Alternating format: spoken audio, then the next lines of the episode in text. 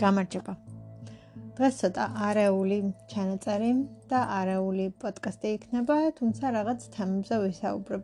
მაგალითად იმაზე, როდესაც გვინდა რომ წარმატებას მივახციოთ და რეალურად მივდივართ წინ და მივდივართ წარმატებებისაკენ, რა არის ალბათ გასათვალისწინებელი. ამ თემაზე ადრეც მისაუბრია და სხვა ჩანაწერებიც მაქვს უკვე ჩაწერილი, მაგრამ ამ გადმოსახედიდან რა თემებსაც უფრო მეტად ვხედავ. ამ შეიძლება ყველაფერზე არ ვისაუბრო და ყველა დეტალზე არ გავამახვილო ყურადღება, თუმცა თუმცა ხო, ამ მომენტისთვის რაც მგონია რომ მნიშვნელოვანია, იმაზე ვისაუბრებ. ხანდახან წარმატებასთან ძალიან ახლოს ვართ და მაშინ უნებდები თან ვიღლებით. და როდესაც რაღაც მიზანი გაქვს დასახული, ერთ-ერთი უნიშნაოვანესი მგონია მოთმინება. მოთმინება, რომ მიხვიდე შენს მიზნამდე. სამწუხაროდ თუ საბედნიეროდ თუ არ ვიცი როგორც არის, ისი არ ხდება ცხოვრებაში, რომ ყველაფერი, რასაც კი მოვინდომებთ, ჩავიფიქრებთ, ვისურვებთ, ორ წამში ხდებოდეს, ორ წამში რეალობა ხდებოდეს და მოკლედ ორ წამში სრულდებოდეს. ხანდახან ძალიან დიდი და ბევრი რაღაცის მოთმენა ატანა გვიწევს, გაკეთება, დათმობებზე წასვლა, და ძალიან ბევრი ნაბიჯის გადადგმა გვიწევს იმისათვის, რომ იქამდე მივიდეთ და ამას ჭირდება დრო, ძალა, ენერგია, მოთმინება და ხანდახან წლები. და ანუ ვისურვე და უცბად ეს ყველაფერი მოხდა, ვისურვე და უცბად ეს ყველაფერი შესრულდა, სამწუხაროდ ასე არ ხდება და ასე არ მუშაობს ეს ყველაფერი ამ სამყაროში. ალბათ ბევრად უკეთესი იქნებოდა რომ ყველაფერი უცბად და ორწამში ხდებოდეს, უცბად ვიფიქროთ და უცბად მოვინდომოთ და მოხდეს, მაგრამ მაგრამ ნუ სამწუხაროდ ასე არ ხდება და ხანდახან ძალიან დიდი მოთმინება გვჭირდება იმისათვის რომ გარკვეული შედეგები მივიღოთ და ხშირად მართლა კუსნაბიჯებით სიარული გვიწევს თითქოს, რომ რაღაც მივიღოთ და რაღაც მოხდეს და რეალურად მივახციოთ იმას, რაც ძალიან გვინდა რომ მივიღოთ და მივახციოთ, ხო? ანუ ხანდახან გვჭირდება ძალიან ნელ-ნელა სვლა ამ ყოველფრისკენ. ხანდახან ძალიან დიდი მოთმინება გვჭირდება, ძალიან ძალიან დიდი მოთმინება და წლები რომ იქამდე მივიდეთ და რეალურად განვახორციელოთ. გაჩნია კიდევ რა არის ჩვენი მიზანი და ძალიან ბევრ რაღაცას ზოგადად სჭირდება წლები. აა და წლების მუშაობა, წლების მოთმინება, წლების გამოცდილება. არ ვიცი, ძალიან ბევრი რამ არის საჭირო რომ მიზნამდე მივიდეთ. ანუ აა განათლება თუნდაც ხომ ძალიან ბევრი წელი არის საჭირო რომ ნორმალური განათლება მიიღო. რაღაც კარგად შეისწავლო. მე გახდი ამ საქმის პროფესიონალი და მართლა ძალიან კარგად იცოდე ერკვეოდე და როგორც ეტყვიან ძირფესვიანად იცოდე და ერკვეოდე. აა და არ ვიცი, ყველაფერში რაღაცის ყიდვა თუ გინდა და განსაკუთრებით დიდი რაღაც თუ გინდა, წლები შეიძლება დაგჭირდეს რაღაცების დაგროვება, მოგროვება, რაღაცებზე უარის თქმა, ანუ ხანდახან რაღაცებზე უარის თქმა, ხანდახან დათმობებზე წასვლა, ხანდახან ძალიან დიდი მოთმინება გჭირდება, რომ რეალურად მივიღოთ რაღაც. და ესე უცბად, ჰოპ და თავზე დაცემით სამწუხაროდ არ ხდება რაღაცები. სამწუხარო არის, მაგრამ ნუ ასე არის და ასე ხდება, რომ მოთმინება და რაღაც რაღაც უნარების გამომუშავება და რაღაც რაღაც გჭირდება. აა და კიდევ არის ერთი ძალიან მნიშვნელოვანი რამ და მე ვიტყოდი რომ ძალიან გადამწყვეტი მომენტი ამ ყოველფერში ხშირ შემთხვევაში რაღაც მომენტი ყოველთვის არის და რაღაც გადამწყვეტი მომენტი უნდა დადგეს რომ გაგიმართლოს. ანუ მხოლოდ ძალის ხმება, მხოლოდ მოთმინება, მხოლოდ ამტანობა და გამძლეობა არ ყოფნის ამ ყოველფერს და ძალიან დიდი შრომა კიდევ. რაღაც მომენტში უნდა გაგიმართლოს. როგორც ვიტყვით და როგორც იტყვიან ხოლმე, საჭირო დროს, საჭირო მომენტში უნდა აღმოჩნდე და უნდა გაგიმართლოს იმ კონკრეტულ და მოცემულ მომენტში და რაღაცნაირად მართლაც საჭირო დროს, საჭირო ადგილას უნდა აღმოჩნდე. ეს ჩემი აზრით არის ყველაზე მნიშვნელოვანი და გადამწყვეტი რამ, იმიტომ რომ მართლა შეიძლება წლები შეალიო რაღაცას და ნუ რაღაც გასაოცარი მომენტი და შედეგი არ დადგეს.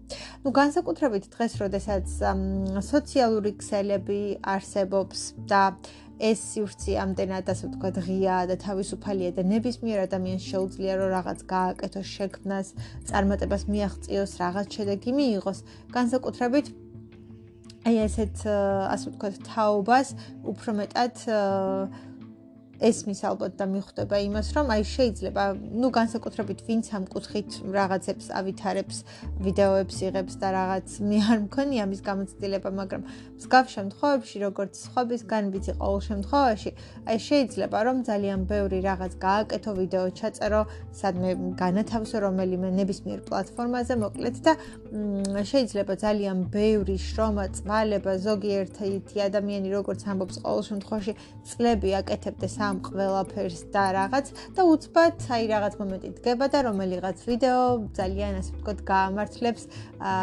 წარმოტებული აღმოჩნდება ძალიან ბევრი ნახვა ექნება და ეს შეიძლება აღმოჩნდეს მათთვის აი ეს იღბლიანი და ერთი არ ვიცი წარმატების მომტანი? ხო, არ ვიცი, ნუ რამდენად წარმატება ქვია, მაგრამ ხო, ნუ წარმატებული ვიდეო უნდა გადაიღოს რომელიღაცა აღმოჩნდეს და მე აი ყველაფერი ის მთელი იქამდე რაც ჩადოს შრომა და წვალება და რაღაცა შეიძლება ისინიც ასე ვთქვათ უცბად გახდეს ძალიან ცნობილი და პოპულარული. ანუ საბოლოო ჯამში თუ ძალიან მარტივ, მარტივ რა, მაგრამ ანუ თუ ძალიან ისეთ რაღაცაზე ვისაუბრებთ, ვიდეოების გადაღებაზე აქაც კი იგივე იგივე რაღაც არის ხო და იგივე რაღაც მუშაობს, ანუ შეიძლება ძალიან დიდხანს რაღაცას აკეთებდე, ცდილობდე, ვითარდებოდე, წინ მიდიოდე, რაღაცებს აკეთებდე, ცდილობდე ისა ესა, მაგრამ ერთი მომენტი უნდა დადგეს, როცა შენ მართლა მიაღწევ წარმატებას და შენ ჩადებულ ენერგიას, დროს და რაღაც ყველანაირ ძალისხმევას და შრომას უცბად ნახავ, რომ ეს ყველაფერი უი მოხდა, ახდა რეალისტა, გამოვიდა, რაღაცა შედეგი გამოიღო და ყველაფერი რაღაც შესრულდა, ასრულდა. და მგონია რომ ეს ყველაზე მეტად მუშაობს ნებისმიერ ნებისმიერ ამაში და ნებისმიერ რაღაცას ჭირდება ძალიან ძალიან დიდი შრომა და მოთმინება. ჩემი აზრით საბოლოო ჯამში რომ ვთქვათ, ანუ აი ძალიან დიდი ძალისხმევის და ძალიან დიდი შრომის გარეშე მაინც არაფერი არ მოდის. ყველაფერი რაშიც შედეგს ნახულობ, ძალიან დიდი შრომა, ძალისხმევა, ცოდნა, ენერგია და დრო უნდა გქონდეს ჩადებული. ანუ უბრალოდ რა ვიცი. რასაც აკეთებ იმ საქმეში უნდა იყო კარგი. იმ საქმეს უნდა იცნობდე კარგად. არ აქვს მნიშვნელობა ეს რა იქნება? აი საერთოდ არ აქვს მნიშვნელობა. ნებისმიერ საქმეს საბოლოო ჯამში სჭირდება კარგი ცოდნა და პროფესიონალიზმი ანუ თუ მაგალითად კაბებს კერავ, კარგად უნდა კერავდე და ხარისხიანად და მართლა იცოდე და ძალიან ბევრი დეტალი არის მანდაც, იმიტომ რომ მე პირადად მქონია გამოცდილება, რომ რაღაც, როდესაც მიმიტანია მაგალითად მკერავთან, სწორად ვერ სწორად ვერ შემოუჭრიათ და რაღაც ლამაზად ვერ გაუკეთებიათ. როცა შეიძლება თქვა და იფიქრო, რომ მე ხარ რა უნდა უნდა შემოჭრას და უნდა მე გადაკეროს, მაგრამ ცოდნა უნდა. აა თუნდაც ასეთი შემთხვევა მქონიათ მასე, როდესაც მიუსულ ვარ თმის შესაჭრელად და როდესაც უბრალოდ სწორად მდომებია, რომ უბრალოდ სწორად იყოს, ანუ სწორად ვერ შეუჭრიათ. არა თქმა უნდა, ყველა სფეროში და ყველა საქმეში არიან და არსებობენ პროფესიონალები, ვინც მართლაც ძალიან კარგად გულდასმით და რა ვიცი, საოცრად კარგად აკეთებენ იმ თავის საქმეს და გამოსდით კიდეც, მაგრამ არის შემთხვევები, როდესაც არის არაპროფესიონალიზმი, შემთხვევები და აი მართლა რომ ვიტყვით ან რა ვიცი მეც გამიგია სხვებისგანაც მეც მithქვამს ალბათ რა ხა ამას რა უნდა მართლა უნდა დადგე და აი ესე სწორად გადაჭრა და ვითომ ძალიან მარტივი არის.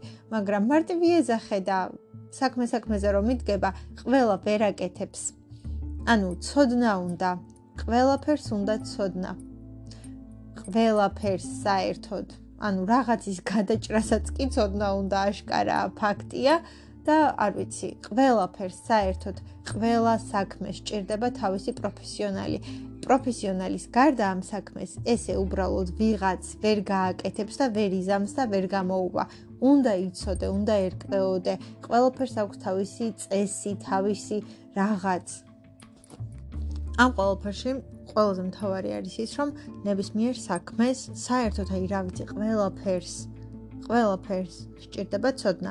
საკუთარი გამოცდილებიდან ვაფაფამ ყველაფერს, აი შორიდან რომ მარტივი ჩანს და შენ რო გგონია რომ მარტივია. მ ანუ მართლაც ხანდახან აი უბრალოდ სწორი ხაზის გადაჭრა და გაკეთება არის რთული.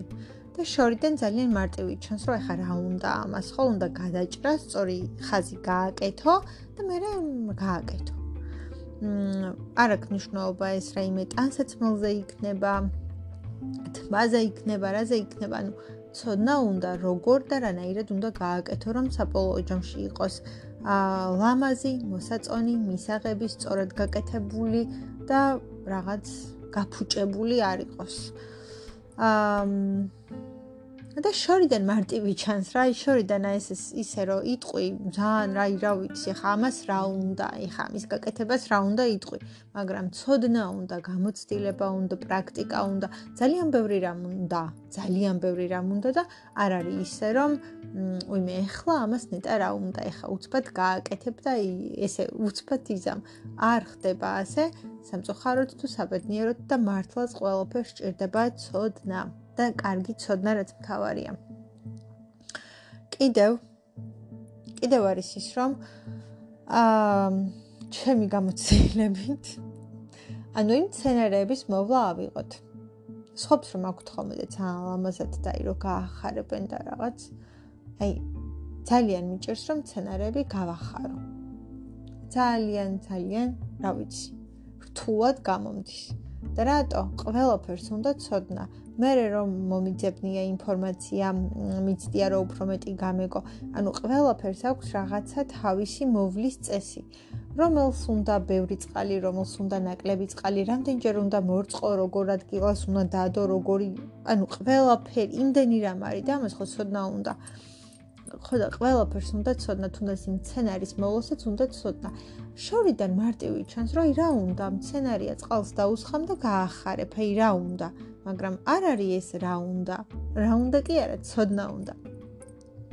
და რა ვიცი, მე მე ყოველ შემთხვევაში ასე ვუყურებ, რომ აა, როდესაც მიდიხარ ადამიანი წარმატებისკენ და წარმატებებისაკენ და როდესაც რაღაც მიზანი გაქვს დასახული, ერთ-ერთი მთავარი არის მოთმინება, რომ შუა გზაზე და სადღაც არ გიღალატოს ამ მოთმინებამ და ხანდახან ან ხშირად ხდება ისე, რომ ადამიანებს ეს მოთმინება არ ყოფნით და ის შუა გზაზე რომ მიატოვებენ ხოლმე საქმეს, აი ნახევრად რომ გააკეთებენ, ნახევარ გზას რომ გაივლიან და მეორე რომ მიატოვებენ ამ ყველაფერს და რაღაცნაირად აღარ აგრძელებენ.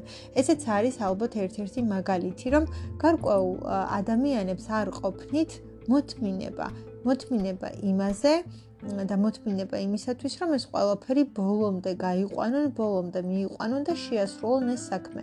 ანუ ეს არის მთავარი და ეს არის მნიშვნელოვანი, რომ ძალიან ბევრ ადამიანს არ ყოფნის მოთმინება, რომ საქმე ბოლომდე გააკეთოს და მიიყვანოს და შეასრულოს. და მნიშვნელოვანია ის, რომ იყო უფრო მეტად მომთმენი, იყო უფრო მეტად მ არ ვიცი გქონდეს უფრო მეტი მოთმინება, მოკლედ. ეს არის ძალიან მნიშვნელოვანი. და ასევე არ გეზარებოდეს შრომა, იმიტომ რომ ნებისმიერ საქმეს, რომელშიც გვინდა რომ წარმატებას მივახციოთ, ხშირ შემთხვევაში ძალიან დიდი შრომა ჭირდება, ესე მარტივად არ მოდის და არც ეგ შრომა არ უნდა გეზარებოდეს. ისიც უნდა გქონდეს გათვალისწინებული, რომ ბევრ რაღაცას დასჭირდება წლები და არა ორი დღე, რომ შენ ეს ყველაფერი მიიღო და საბოლოოდ გამოგივიდეს. ცნობილი ადამიანების ისტორიებსაც თუ გავითვალისწინებთ და მათ ბიოგრაფიებსაც თუ გადავხედავთ, როდესაც ისინი საუბრობენ, არავის არ მოსვლია ესე წარმატება, რაღაც ძალიან ბევრი შრომა, ხანდახან ძალიან ბევრი მარცხი და წარუმატებლობა არის დიდი წარმატების უკან. და ეს ნიშნავს იმას, რომ არ უნდა დანებდე, არ უნდა ჩამოყარო რაღაც შუაგზაზე ყურები და არ უნდა შეწყვიტო იმის კეთება, რაც მართლა გინდა და რაც მართლა გიყვარს. და ეს მოთმინება აქაც რა თქმა უნდა მნიშვნელოვანია, იმიტომ რომ ზოგიერთი ადამიანი ორი წარუმატებელი ნაბიჯის შემდეგ თავს ანებებს და აღარც კი ცდის. და აქაც ნუ მოთმინება არის მნიშვნელოვანი და ნუ რა თქმა უნდა დრო. დრო, რომელიც რეალურად ჩვენ ადამიანებს და ყველას ალბათ ძალიან გვეჩქარება, ყოველთვის ყოველფერი ძალიან უცბად, მარტივად და მალე გვინდა რომ მივიღოთ, რაც ხანგრძლივ პერიოდსა დროს მოითხოვს იქ გვეზარება, რაღაცნაირად არ გვინდა ამდენი ხანი მოცდა და მოლოდინი და ეს ყველაფერი და გვინდა რომ ყველაფერი უცბად, უცბად, უცბად მოხდეს, უცბად შესრულდეს, უცბად ახდეს, უცბად ასრულდეს, უცბად მივიღოთ, უცბად გამოვიდეს. და ნუ აი ეს მომენტი ყოველთვის დგას, რომ აი რაღაც სწრაფად, მალე, მალე. და მალე გინდა რომ შედეგები დაინახო, მალე გინდა რომ ყველაფერი აი ესე გამოვიდეს, მალე გინდა რომ ყველაფერი შესრულდეს, მალე გინდა რომ ის შედეგი მიიღო, მაგრამ ძალიან ხშირ შემთხვევაში ეს უცბად და მალე არ ხდება და ნუ ჭირდება საკმაოდ დრო და ნუ მოთმინებაც რა თქმა უნდა სჭირდება. და კიდევ გადამწყვეტი არის ის რომ რამ შეიძლება 10 წელი 15 წელი ვაკეთებდეთ რაღაც საქმეს და არაფერი ანუ ვაკეთებდეთ და ვაკეთებდეთ ვაკეთებდეთ და ვაკეთებდეთ რაღაცნაირად რუტინულად და მონოტონურად და აი რაღაც რაღაც მომენტი მოვიდეს და რაღაც მომენტი დადგეს და უცბად მივახციოთ წარმატებას. და აი ის მომენტი და ის წამი იყოს აბსოლუტურად ყველაფრის განმსაზღვრელი, გადამწყვეტი და მნიშვნელოვანი, რომ აი ის მომენტი და ის წამი უნდა დადგეს, რომ ასე ვთქვათ, წარმატებას მივახციოთ და გაგვიმართლოს და როგორც ამბობენ და როგორც იტყვიან, სწორ დროს და სწორ მომენტში საჭიროს დროს და იმ წუთას ვიყოთ ზუსტად საჭირო ადგილას და იმ მომენტში და იმ წუთას გაგვიმართლოს. და ეს არის ძალიან მნიშვნელოვანი და მაგის მჯერა, იმიტომ რომ შეიძლება რაღაცებს აკეთებდი, აკეთებდი, აკეთებდი, აკეთებდი, არც წარუმატებლობა იყოს, არც წარმატება იყოს, ანუ უბრალოდ აკეთებდი ეს მონოტონურად, რაღაც რუტინულად რაღაც საქმეს და არაფერი არც იქით, არც აქეთ, უბრალოდ შენ შენ საქმეს აკეთებდი. და რავი, არაფერი არ იყოს, რა რაღაც გასაოცარი და განსაკუთრებული, მაგრამ აი იმ რაღაც ერთ გადამწყვეტ მომენტში ყველაფერი შეიცვალოს. და ეს არის ძალიან ძალიან მნიშვნელოვანი და გადამწყვეტი მომენტი რა რომ აი იმ ძალიან ძალიან საჭირო და სწორ დროს და იმ სწორ მომენტში იქ იყო და ეს ყველაფერი გააკეთო და გამოგივიდეს და შესრულდეს და მოკლედ რაღაც მომენტები არის ხოლმე გადამწყვეტი ჩვენს წარმატება თუ წარუმატებლობა ანუ აი ამ გზაზე, როდესაც მივდივართ, წარმატება წარუმატებლობის თვალსაზრისით, რაღაც მომენტი ყოველთვის არის გადამწყვეტი და რაღაც მომენტი ყოველთვის არის განმსაზღვრელი მთელი ჩვენი გზის და დარჩენილი გზის, რაც მნიშვნელოვანია. და ხაი აქ მოთმინება და რაღაცა არ უნდა დავკარგოთ და რაღაცნაირად არ უნდა ჩამოვყაროთ ყურები, არ უნდა ჩამოუშვათ ცხვირი და უნდა ვეცადოთ რომ ყველაფერი გამოგვივიდეს და ხშირ შემთხვევაში რაღაც აი დაველოდოთ ალბათ იმ სწორ დროს და მომენტს, რომ აი გაგვიმართლოს კიდეც, ანუ არა მხოლოდ ჩვენი ცოდნა, არა მხოლოდ პროფესიონალიზმი და არა მხოლოდ გამოცდილება და არა მხოლოდ ის, რომ მე მართლა ვიცი და მე მართლა ვერ ყვევი და ამ ყველაფერს წლები მთელი ჩემი ძალა, ძალისხმევა, ცოდნა, შრომა, ყველაფერი შევალიე, არამედ ისიც, რომ აი ეს მომენტი უნდა დადგეს, როდესაც მართლა რაღაც ჩვენთვის გაიხსნება ყველაფერი და გაგვიმართლებს და ეს იქნება ჩვენ ცხოვრებაში გადამწყვეტი მომენტი. ძალიან ბევრი რამ განსაზღვრავს ალბათ ჩვენს წარმატებასა და წარუმატებლობას და ხანდახან წარუმატებლობაც ძალიან საჭიროა რომ რაღაცა დავინახოთ, რაღაცა ვისწავლოთ, გარკვეული გამოცდილება მივიღოთ, ცოდნა შევიძინოთ, მივხვდეთ რაღაცებზე დავფიქრდეთ, რაღაცები ხელახლა ვცადოთ, რაღაცებს კიდევ უფრო მეტად ჩავუღრმავდეთ, ალბათ ეს მომენტიც ძალიან გადამწყვეტია და ალბათ ეს მომენტიც ძალიან საჭიროა, რომ სადღაც, ასე ვთქვათ, წარუმატებლობა ვნახოთ. სადღაც არ გაგვიმართლოს, რაღაც არ გამოგვივიდეს, სადღაც შეცდომა დავუშვათ და მერე უნდა დადგეს ის მომენტი, რომ აი ყველაფერი უცბად, უცბად შეიცვლება და ყველაფერი უცბად რაღაც გადასხვა ფერდება და სხვანაირად მოხდება. ეს არის ალბათ ძალიან მნიშვნელოვანიც, რომ ხანდახან წარუმატებლობა ძალიან საჭიროა იმისათვის, რომ კიდევ უფრო მეტად ვისწავლოთ, კიდევ უფრო მეტად ჩავუღრმავდეთ რაღაც საკითხებს და სხვანაირად დავინახოთ და სხვანაირი მიდგომები ვეწებოთ, იმიტომ რომ შეიძლება სხვა შემთხვევაში რაღაც ახალი არც ცადო, რაღაც ახალი მეთოდები, ახალი მიდგომები, ახალი დამოკიდებულება არც გამოიჩინდა, უბრალოდ აკეთო და აკეთო რაღაც მონოტონურად მართლა ერთ და იგივე. ბევრი რამ არის გადამწყვეტი. და მნიშვნელოვანი ალბათ წარმატება და წარუმატებლობის გზაზე, მაგრამ ის რომ შრომა არის საჭირო, ის რომ კარგი ცოდნა რა პროფესიაც არ უნდა იყოს და საერთოდ რასაც არ უნდა აკეთებდეს ადამიანი, რომ ყოველთვის გადამწყვეტი იქნება. აა აი რა ვიცი, ყველაფერს საერთოდ და ყველა საქმეს ჭირდება ცოდნა. აი მაგაში ვარ დარწმუნებული. ყველაზე დაბალ საფეხურად რაც ითვლება იქიდან დაწყებული, ყველაზე მაღალი საფეხური რაც არის და რაც ითვლება იმით დამთავრებული. ყველაფერს არ აქვს მნიშვნელობა რას აკეთებ. ანუ ძალიან მარტივი საქმეც კი შეიძლება ადამიანმა ვერ გააკეთო კარგად და ნორმალურად თუ ცხოვრებაში არ გაგიკეთებია და თუ არ გაქვს ამის გამოცდილება ვერ გააკეთებ. ყოველ შემთხვევაში კარგად ვერ გააკეთებ. ანუ არ არსებობს. უნდა ყველაფერს ჭირდება გამოცდილება, ცოდნა, ან თეორიული, ან პრაქტიკული და პრაქტიკა. ყველაფერი არის აი ამ პრაქტიკაზე დამყარებული.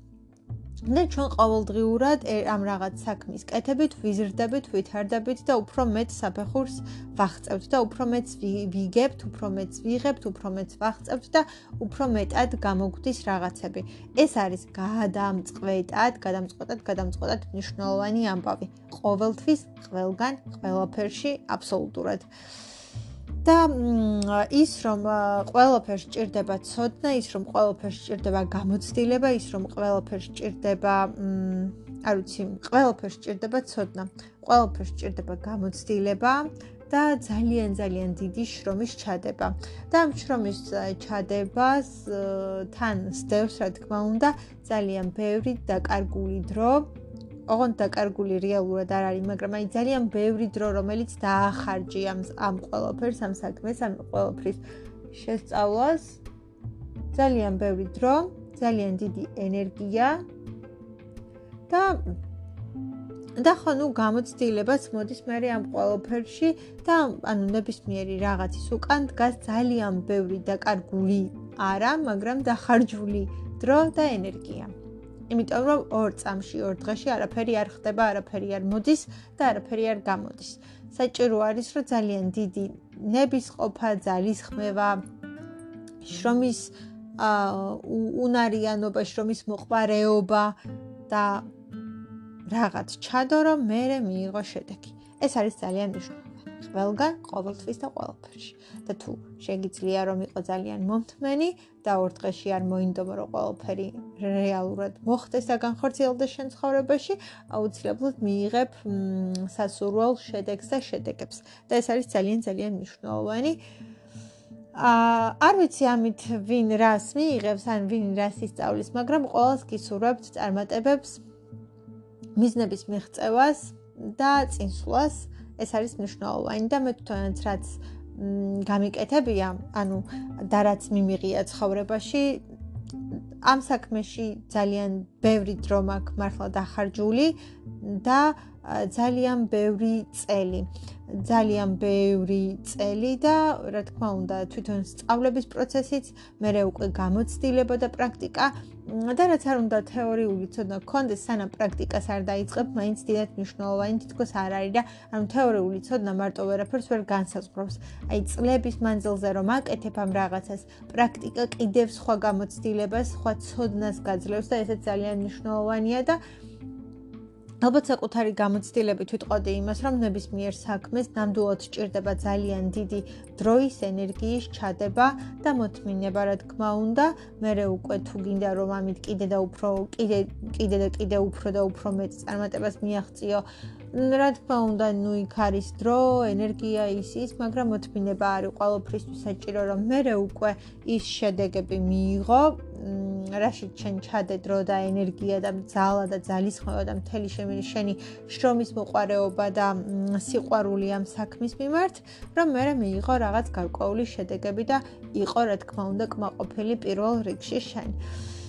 მოკლედ გისურვებთ ძალიან დიდ წარმატებას და წინსვლას ნებისმიერ საქმეში და ალბათ ყოველთვის ყველა დროში, ყველა ეპოქაში და ყველა ეტაპზე იმისათვის რომ იყო წარმატებული ნებისმიერ საქმეში, რასაც არ უნდა აკეთებდი და რასაც არ უნდა მოკიდე ხელი, ყოველთვის განმსაცხვრელი და გადამწყვეტი იქნება ცოდნა. გაქვს თუ არა კარგი ცოდნა ამ საქმის, ის თეორიული ცოდნა რაც უნდა იცოდე, კარგი პროფესიონალი ხარ თუ არა ამ საქმის და კარგად აკეთებ თუ არა ამ საქმეს და გამოცდილება რომ რომელსაც გაძლევს ისევ და ისევ დრო და ეს ხვანაირად არ მოდის ძალიან დიდი ხნის მანძილზე უნდა აკეთებდე რაღაც საქმეს რომ ნამდვილად დადგი ამ საქმის პროფესიონალი და კიდე უფრო მეტი რამ ისწავლო და შეიძინო რეალურად პრაქტიკაში.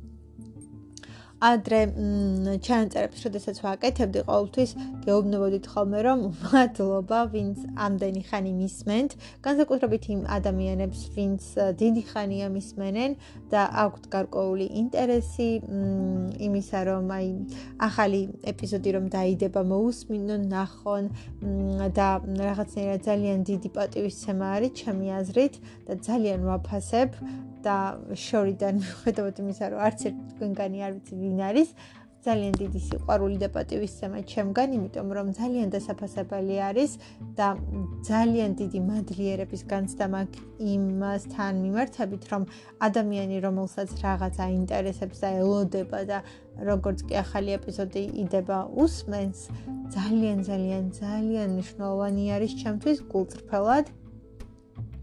და მართლაც საოცრად ვაფასებ ამას და მიხარია და მადლიერი ვარ უბრალოდ. და კიდევ ალბათ ის რომ თუ ვინმეს გეკნებათ სურვილი რომ გამოხატოთ თქვენი შთაბეჭდილება და გამიზიაროთ თქვენი აზრი შთაბეჭდილება რა მოგწონთ რა არ მოგწონთ რა ტომუსმენთ რის გამოუსმენთ რის გამორჩებით და თუ რაიმე რჩევა გეკნება და ზოგადად რაიმე ემოციის გამოხატვა გენდომებად შეგიძლიათ რომ აღწერაში ნახოთ ლინკი, სადაც შეგიძლიათ რომ მომწეროთ და გამიზიაროთ თქვენი შთაბეჭდილებები, თქვენი შეხედულებები და უბრალოდ ძალიან გამიხარდება. ეს არის ერთგვარი და იქნება ზოგადად ერთგვარი ფიდბექი თქვენგან. და მეტი არაფერი, უბრალოდ სასიამოვნო იქნება იმის გააზრება და ცოდნა რომ რა მოგწონთ, რატომ მოგწონთ, რატომ უსმენთ და რა არის თქვენთვის გადამწყვეტად მნიშვნელოვანი ამ ყველაფერში. მეტი არანაირი ინტერესი არ არის აქ რა თქმა უნდა. და მგონია რომ ასევე ფიდბექი ძალიან მნიშვნელოვანი და საჭირო არის, როდესაც რაღაცას აკეთებ, იმიტომ რომ საბოლოო ჯამში ყოველთვის ორი მხარე არის. ანუ ერთი მხარე და მეორე მხარე და მნიშვნელოვანი და გასათვალისწინებელი არის, ასე ვთქვათ, მეორე მხარე რას და როგორ ფიქრობს და როგორ უყურებს. და საერთოდ რა ვიცი, უბრალოდ საინტერესო არის ჩემთვის, ვის რა მოსწონს, რატომ უსმენს, რა მიიღეთ, რას იღებს საერთოდ ამ ყოველფრისგან რაღაც ხომ არის. რასაც ვიღებ, ზოგჯერ უბრალოდ არის სასიამოვნო მოსასმენი, ზოგჯერ უბრალოდ არის განტვირთვა, ზოგჯერ უბრალოდ არ ვიცი შეიძლება დროის გაყვანა უნდა და ეს ვიღაცას ვიღაცა რაღაცას იღებს ვიღაცა რაღაცას სწავლობს ვიღაცისთვის რაღაც შეიძლება შეიცვალოს. ვიღაცა ხანდახან მართლა მგონია რომ შეიძლება მთელი ძალიან დიდი ჩანაწერიდან ერთი ფრაზა და ერთი წინადადება იყოს რომელიც შენ იმ წუთას ნამდვილად გჭირდებოდა რომ მოგესმინა. მე პირადად მქონია ეს. ძალიან ბევრი ადამიანი ვისაც მე ვუსმენ. ნუ ბევრი რა შეიძლება 10 იყოს მაგრამ ვისთვისაც მომისმენია ხანდახან ყოფილა რომ აი ერთ საათიანი ჩანაწერისთვის მომისმენია და ბოლოს მართლა რო ხვდები რომ აი ამ 1 საათის მოსმენა მარტო იმისთვის იყო საჭირო რომ ის ერთი კონკრეტული ფრაზა ან წინადადება მოგესმინე და იმან ძალიან რაღაც დიდი შეცვალა ან დაგაფიქრა ან რაღაცას მიგახვედრა არ ვიცი უბრალოდ იმ ფრაზის მოსმენა გჭირდებოდა ხანდახან мотивაციისთვის, ხანდახან იმისთვის, ხანდახან ამისთვის, მაგრამ მე პირადად მქონია ეს გამოცდილება და მე პირადად მქონია იმის გამოცდილებაც, რომ მიმიწერია ამ ადამიანებისთვის, ვისაც უსმენ ხოლმე და გამიზიარები უბრალოდ ჩემი შთაბეჭდილებები და ემოციები და უბრალოდ მგონია რომ მნიშვნელოვანი არის როგორც ჩემთვის, ასევე მათთვის, რომ აი რაღაც შთაბეჭდილება გავუზიარო და რაღაცა ვუთხრა, რომ არ ვიცი, მგონია რომ მათთვისაც მნიშვნელოვანია და ხანახან უბრალოდ მქონია იმის განცდა და იმის სურვილი, რომ უბრალოდ მადლიერება გამომეხატა, რომ მართლა მიხარია ხოლმე, რომ ეს ადამიანები აკეთებენ იმას, რასაც აკეთებენ და მე მაქვს საშუალება, რომ ამ ყველაფერს უფასოდ და ყველაფრის garaშე საერთოდ მივიღო, მოვუსმინო, ვისწავლო და მხოლოდ მოსმენა არ არის ხშირ შემთხვევაში ჩემ შემთხვევაში უფრო სწორად აა მე ძალიან ბევრი რამ ვისწავლე და გავიზარდი ამ კუთხით და ძალიან დიდი ცოდნა მივიღე წლების მანძილზე მოსმენით, მოსმენით, მოსმენით, მოსმენით. ну განსაკუთრებით ასტროლოგიას რაც ეხება მსგავს რაღაცებს ძალიან ხშირად უსმენ ხოლმე და ძალიან დიდი ცოდნა შევიძინე ფაქტობრივად ამ მოსმენით და ჩემთვის რა თქმა უნდა ეს იყო და არის გადამწყვეტი და გადამწყვეტად მნიშვნელოვანი რომ ეს ყველაფერი რაც დღეს გამოჩნია რაც ცოდნაც და რაც კი ვიცი ყველაფერი არის აი ესე მიღებული ვიდეოებიდან რაღაც პოსტებიდან იმიდან ამიდან სტატუსებიდან და ნუ რა თქმა უნდა ეს ყველაფერი მე ფაქტობრივად მივიღე უსასყიდლოდ და უარაფროდ და მგონია რომ სულ მცირე მადლიერების გამოხატვა ამ ადამიანების მიმართ. მნიშვნელოვანი არის ჩემთვის არის უბრალოდ მნიშვნელოვანი რომ მართლაც მადლიერი ვარ რომ ყველაფერს აკეთებენ და მე რაღაც მაინც მივიღე ამ ყველაფრიდან. მოკლედ ეს არ არის რაღაც ვინმესთვის რაიმეს დაძალება, უბრალოდ რომ უბრალოდ თუ კი ვინმეს გექნება სურვილი რომ რაიმე თქვენი ემოცია ან შთაბეჭდილება ან რაღაც გამიზიაროთ, ძალიან სასიამოვნო იქნება ჩემთვის, უბრალოდ იმიტომ რომ საინტერესო არის ჩემთვისაც ვის რა რატომ რის გამო მოსწონს და რას იღებთ ამ ყველაფრიდან, რატო усმენთ და ასე შემდეგ. თუ არ გექნებათ ამის სრული არც ეგარ არის რა თქმა უნდა პრობლემა. ბენიერ და წარმატებულ დღეს და დღეებს კი სურვებთ და რა თქმა უნდა ძალიან დიდ წარმატებას და წინსვლას თქვენ საქმეში. ეს არის ძალიან ძალიან მნიშვნელოვანი